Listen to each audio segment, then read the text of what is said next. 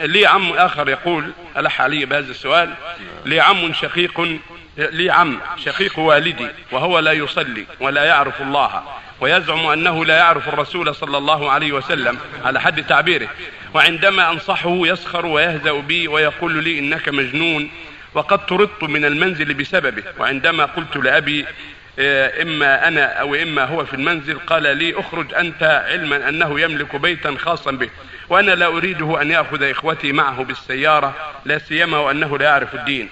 فسماحة الشيخ ما هو الحل معه؟ وكذلك مع أهلي. هل موقفي معه سليم؟ علما أني الآن مطرود من البيت.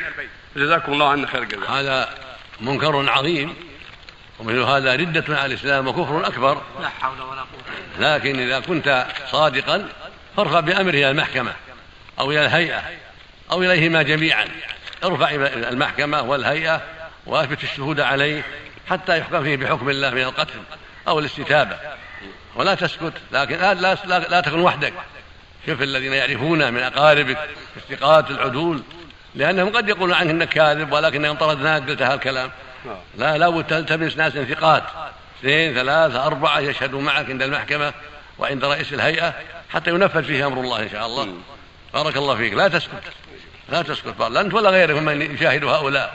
من عرف هؤلاء الذين يسبون الدين ويسبون الرسول صلى الله عليه وسلم ويفعلون ما يخالف الإسلام الواجب الرفع بأمرهم إلى المحاكم وإلى الهيئات في البلد التي أنت فيها. ولكن لا تكون واحد.